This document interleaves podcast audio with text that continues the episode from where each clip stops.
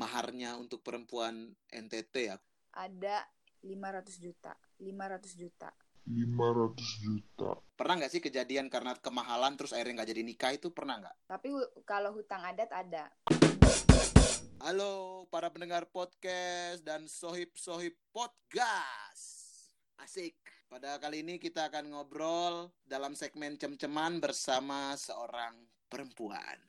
Kita akan membahas tentang masa depan. Ah, Langsung saja kita ajak bergabung Valeria. Halo Valeria. Halo, halo, halo, halo.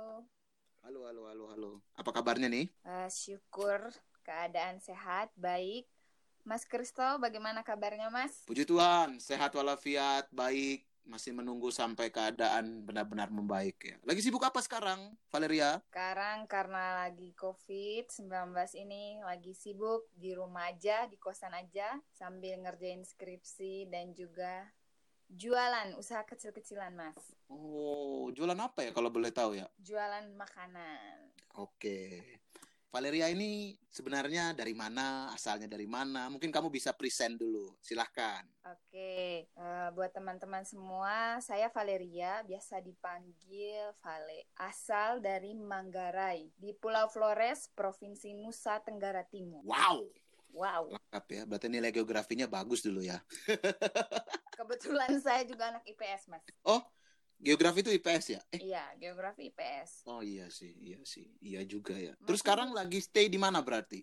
Sekarang lagi stay di Bandung, karena di Bandung sedang kuliah juga menyelesaikan S1. Oke, Sekarang sudah oke, masuk oke. tahun yang kelima dan belum lulus juga. Hmm, Nah, begitu. kenapa ya? Kalau boleh tahu? Atau jangan, jangan dibahas ya? Nggak usah dibahas. Oke, dulunya, maaf. Ya. Maaf, maaf, maaf. Berarti sekarang kalau ditanya semester berapa? Semester akhir lah ya.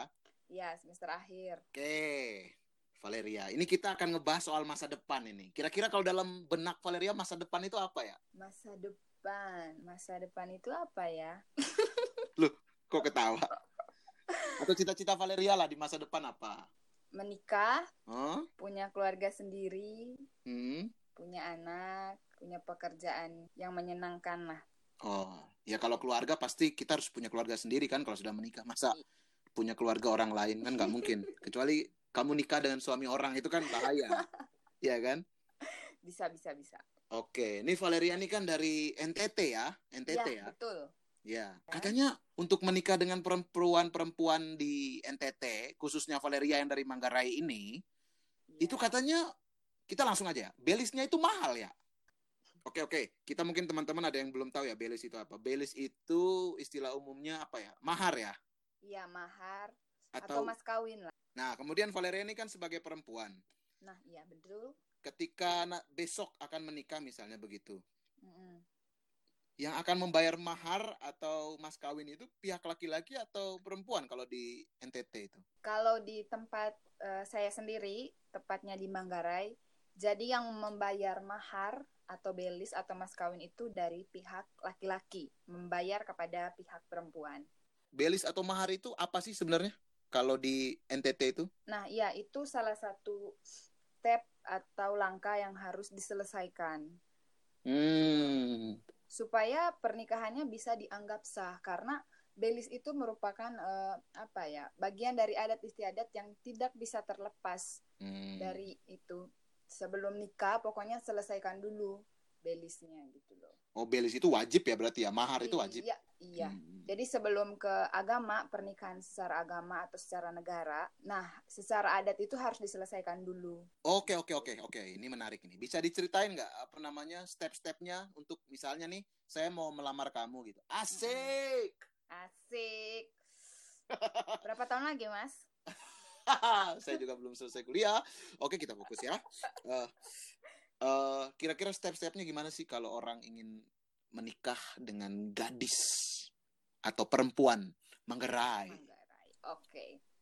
Pertama itu yang pasti eh, perkenalan dulu dong cowoknya ke keluarga wanita. Biasanya itu nanti ada satu momen ketika keluarga besar perempuan ini sedang berkumpul atau lagi ada acara apa. Mm-mm. Nah, biasanya itu keluarga perempuan tuh meminta misalnya "Eh, itu pacar kamu dibawa ke sini gitu. Biar Hmm. nanti semua keluarga itu kenal dulu tahu bibit, bebet, bobotnya laki-laki ini seperti apa. Nah, begitu. Mhm, Nanti mhm. si cowoknya datang sendiri dulu, belum datang bersama keluarga. Jadi di situ sendiri.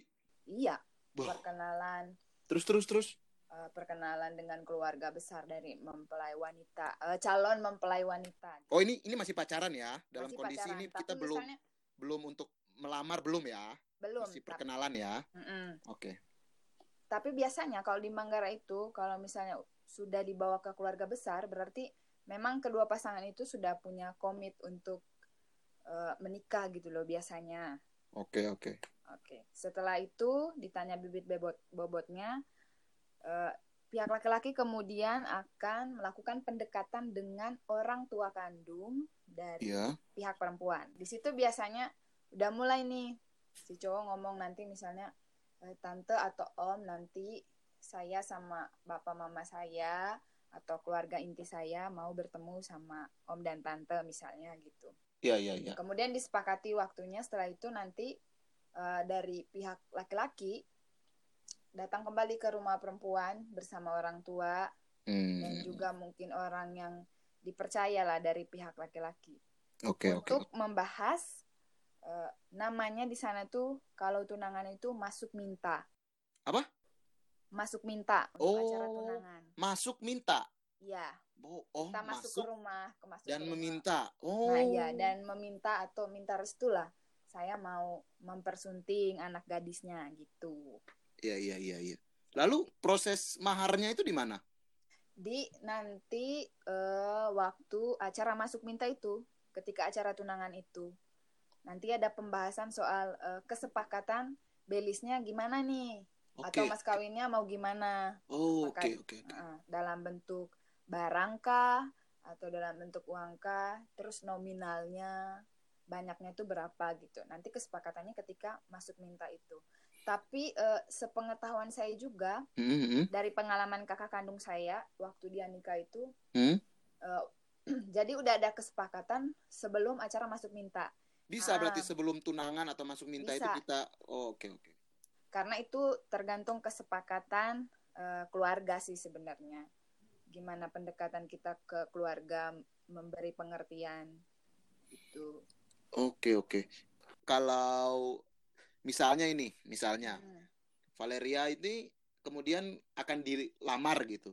Menentukan mahar itu gimana sih caranya? sepengetahuan saya sih itu diobrolkan oleh eh, orang tua ya justru yang biasanya menentukan keputusan itu biasanya dari pihak keluarga Hmm. Nah, dari pihak keluarga wanita nih biasanya dari bapak mamanya, terus omnya, tante segala macam itu semua Hmm. ikut untuk mendiskusikan itu gitu loh. Oke. Di situ berarti yang berbicara pihak keluarga ya. Maksudnya bukan orang yang menikah atau pasangannya bisa ikut ngomong saat acara itu. Bisa juga. Terus Itu sebelum acara masuk minta ya Mas ya. Mhm. Waktu pertemuan ke- kedua keluarga besar aja itu bisa ikut ngasih masukan, ngasih pendapat. berarti sebenarnya nentuin nentuin maharnya itu sebelum atau setelah masuk minta?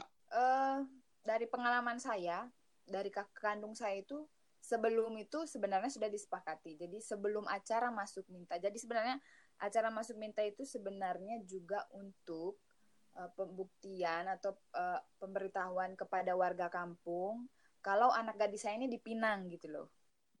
Jadi orang tuh nggak udah tahu oh eh, anak ini tuh udah ada yang pinang, jadi nggak boleh diganggu, nggak boleh diiniin gitu loh. Oh, Biasanya waktu sebelum acara masuk minta itu sebenarnya udah ada kesepakatan. Misalnya dari keluarga pria mampunya eh, pakai emas atau nanti bawa hewan apa gitu. Nah udah disepakati sehingga waktu acara masuk minta itu nggak ribet lagi kita nggak tawar menawar lagi gitu loh mas. ini pasti pertanyaan yang apa ya ditunggu-tunggu juga ini kan. Saya tuh pernah dengar ada sih Ya. orang-orang cerita teman-teman. Katanya maharnya untuk perempuan NTT ya khususnya Manggarai itu mahal ya. Itu berapa sih kira-kira kisaran harganya atau maharnya? Eh, sebenarnya gini sih mas, kalau dulu itu sepengetahuan saya ya, mahar itu kan biasanya eh, lewat he- eh, pakai hewan ya, pakai peliharaan pakai kerbau Oh. Ya. Ah, ah.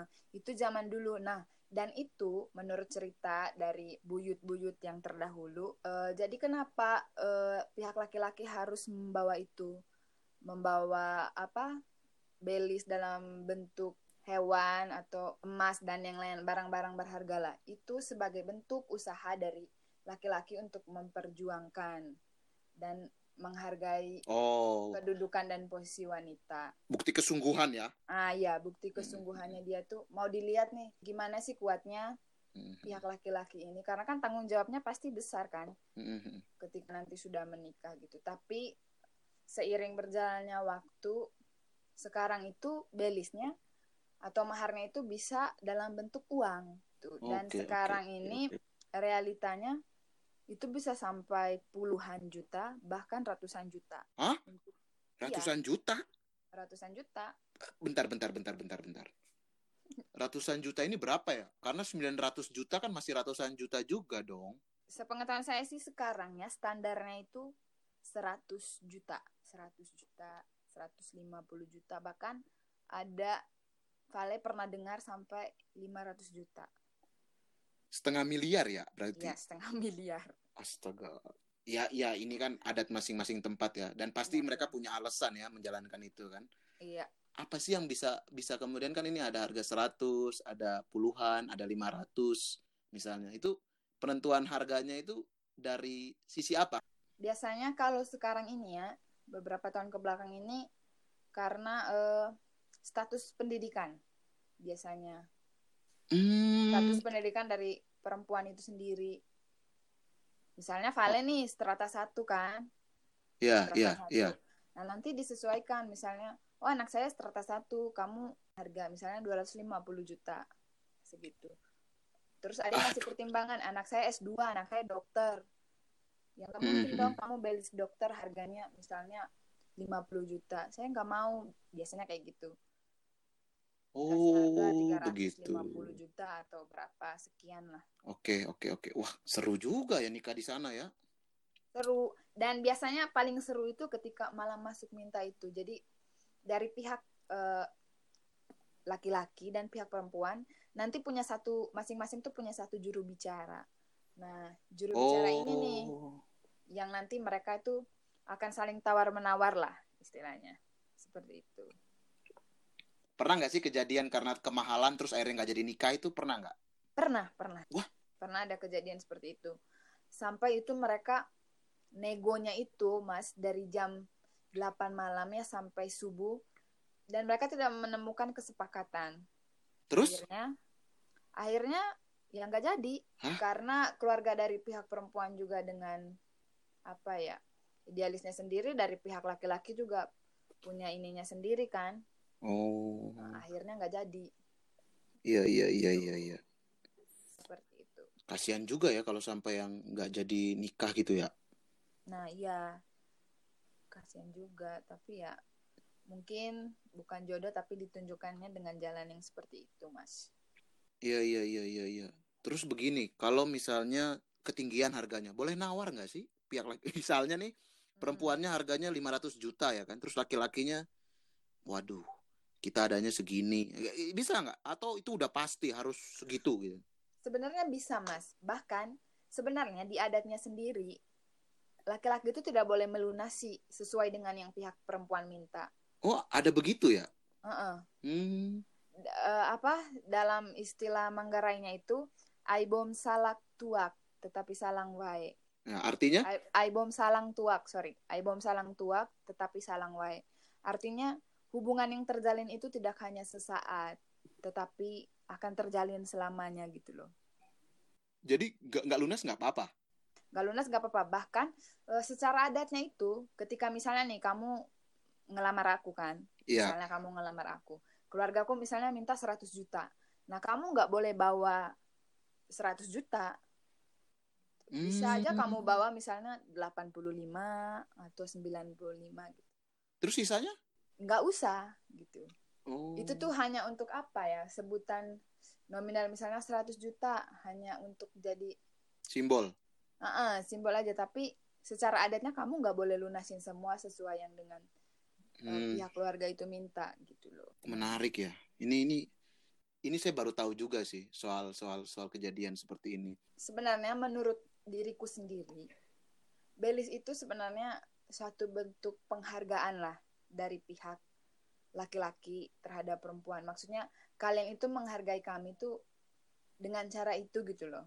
Kalau untukku sih yang penting realistis aja. Misalnya kamu melamar, yang penting uangnya cukup untuk misalnya kita resepsi, untuk iyalah untuk untuk resepsi aja cukup. Nggak nggak muluk-muluk harus lunas 350 juta. 100 juta juga bisa.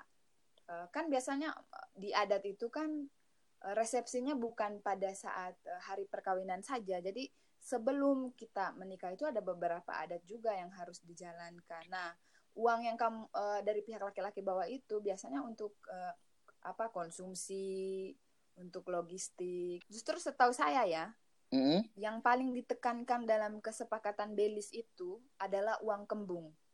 Jadi uang kembung itu adalah semacam uang untuk eh, membiayai rangkaian acara adat ataupun resepsi. Nah, seperti yang Vale bilang tadi. Yang membayar itu berarti laki-laki ya, resepsi Iya. dan lain-lain gitu. Hmm, tapi tidak 100% semuanya dari pihak laki. Terkadang juga dari pihak perempuan juga mengeluarkan itu loh. Oke oke oke. Berarti itu tergantung kesepakatan ya. Nah, iya, makanya tadi perlu ada eh, sebelum acara masuk minta sangat penting ya menurut menurut saya pribadi itu sangat penting ketika dua keluarga besar ini ketemu dulu nih Konsep Dari- nikahannya mau gimana ya Iya, kan. dan alangkah baiknya juga calon eh, pengantinnya juga ini berperan di situ, udah mulai hitung-hitungan, udah mulai bisa saling memberi pengertian kepada keluarga gitu. Kalau kita ngomongnya baik, menyampaikannya baik, Vale rasa keluarga juga bisa pasti nerima dan ini memahami. Karena kan Iya, setelah iya, itu pasti kan kita punya kehidupan sendiri kan. Oke oke oke. Mm. Setelah menikah, katanya perempuan itu tidak boleh tinggal di rumah keluarganya, bener nggak sih? Iya, secara adatnya seperti itu. Karena Mm-mm. Dari adat Manggarai kan kedudukan perempuan ini sudah disebut atapeang atau Mm-mm. orang luar lah. Artinya suatu saat kamu eh, anak perempuan itu akan pergi bersama pasangan hidupnya gitu. Kalau saya sih nangkapnya begini, berarti kan ketika kamu akan istilahnya membangun keluarga, ya itu kan memang harus dipikirkan bibit bebet bobot ya. Berarti kan belis atau mahar itu sebagai simbolisasi kesungguhan dari pihak laki-laki ya kan. Ketika dia akan melamar seorang perempuan, jangan sampai bukan maksudnya kita menilai dia dari materi, Mm-mm. tapi kan itu bisa menjadi salah satu bukti ya bahwa dia sudah siap ini, istilahnya begitu ya. Iya. Iya iya iya. Mm. Ada nggak sih yang kemudian keluarga tidak menjalankan adat gitu di sana? Kayak nggak pakai belis gitu, nggak pakai mahar gitu? Mm. Setauku sih belum. Setauku sih belum belum pernah dengar cerita yang seperti itu sih mas. Iya iya iya. Pasti ada. Tapi kalau hutang adat ada. Kayak misalnya gini, eh, kamu mau menikah denganku sekarang, misalnya ngebet banget nih pengen sekarang gitu. Sekarang banget. Eh, misalnya, misalnya, Oh misalnya. mm-mm, Iya, iya, misalnya iya. tahun ini Kira langsung sekarang. corona, corona mas nggak bisa ke mana-mana. Iya iya. Kemudian kamu eh, belum siap nih, misalnya secara finansial nih belum bisa menyanggupi memenuhi sesuai yang dengan pihak perempuan minta gitu. Ya udah, sekarang kita berjuang bersama atau kamu punya berapa nih? Yang penting kan kalian sah nikah secara adat, secara agama, secara negara. Nanti untuk urusan adat bisa diselesaikan misalnya lima tahun lagi atau 10 tahun lagi ketika misalnya kita merasa oh kita udah cukup mapan nih. Misalnya masih Iya, punya iya, iya. utang, oh dulu belum ngelunasin 20 juta untuk uang ini ini. ini. Nah, diselesain. Itu. Oh wah bijak juga berarti kan tidak terlalu mengekang juga adatnya kan berarti. Tidak. Oh begitu ya. Iya sehingga kayaknya menurut hemat saya ya cobalah mulai dari sekarang mungkin ya baik-baik bersilaturahmi ya kan. Betul. Mana tahu kan ya bisa dimengerti ya kan. Nego-nego mulai dari sekarang, Mas. Iya iya iya iya. Oke oke. Kalau buat kamu lah Mm-mm. pandangan kamu sekarang misalnya ada laki-laki yang kemudian mendekati kamu dia bilang udahlah kita nikah modern aja lah nggak usah pakai kayak gitu-gitu karena kan banyak kan sekarang yang sistem nikahnya modern gitu kira-kira kamu terima nggak Untuk gue sih belum. Karena jujur karena aku lahir dan besar tidak terlepas juga dari adat gitu loh, Mas. Aku sendiri juga belum bisa lepas dari itu dari adat karena tadi Wah. aku bilang eh, salah satunya yaitu belis yang termasuk dalam adat itu itu Hmm, kan hmm. satu bentuk penghargaan juga untuk orang tuaku untuk keluargaku Iya, iya, iya. seperti itu Ini sebenarnya sih bukan masalah nominal ya. Ternyata kan adat juga memberikan ruang kita untuk tadi utang adat, kemudian Hmm. kedekatan kita. Istilahnya kalau kita membangun kekeluargaan dengan baik, ya pasti komunikasinya juga terjalin dengan baik, pasti kesepakatannya juga akan lebih baik ya kan? Menurutku juga sih Mas ya, dengan adanya adat ini sebenarnya dia pengen ngelihat eh, segimana sih perjuangan dari laki-laki ini karena biasanya kan ada yang udah tahu nih misalnya, "Uh, harga belisnya segini." Udahlah, mundur aja gitu. Tapi ya mungkin dengan adanya ini juga baik jadinya kita bisa melihat oh ternyata dia gak serius nih sama sama saya misalnya atau Iya, iya, perjuangannya cuman bisa sampai di sini gitu. Justru eh, dari pihak laki-laki itu biasanya eh, ada namanya acara kumpul kope. Jadi acara kumpul kope itu acara yang dilaksanakan oleh pihak keluarga laki-laki. Jadi dia akan meminta bantuan dari teman-temannya, keluarga besarnya, semua yang dia kenal lah, tetangga, eh, lingkungan dan semua itu untuk ngumpulin duit buat bantu Oh. namanya kumpul kope dan itu Iya, nggak iya. cuman nggak dibatasin keluar keluarga doang enggak itu keluarga tetangga teman-teman kerja dan lain sebagainya gitu. Dan nanti itu akan timbal balik juga ke mereka. Ketika nanti mereka juga ah, punya sanak saudara yang akan menikah kebetulan Mm-mm. juga dari laki-laki ya kita juga akan ini diundang untuk datang. Nih saya keponakan saya atau anak saya juga ada cara kumpul kope gitu Iya, iya, iya. seperti itu mas Oke, oke, oke. Oke sih, paling kalau aku itu aja sih. Akhirnya masalah nominal dan lain-lain itu sebenarnya akan luluh dengan kesungguhan kita. Karena kesungguhan itu tidak ternilai.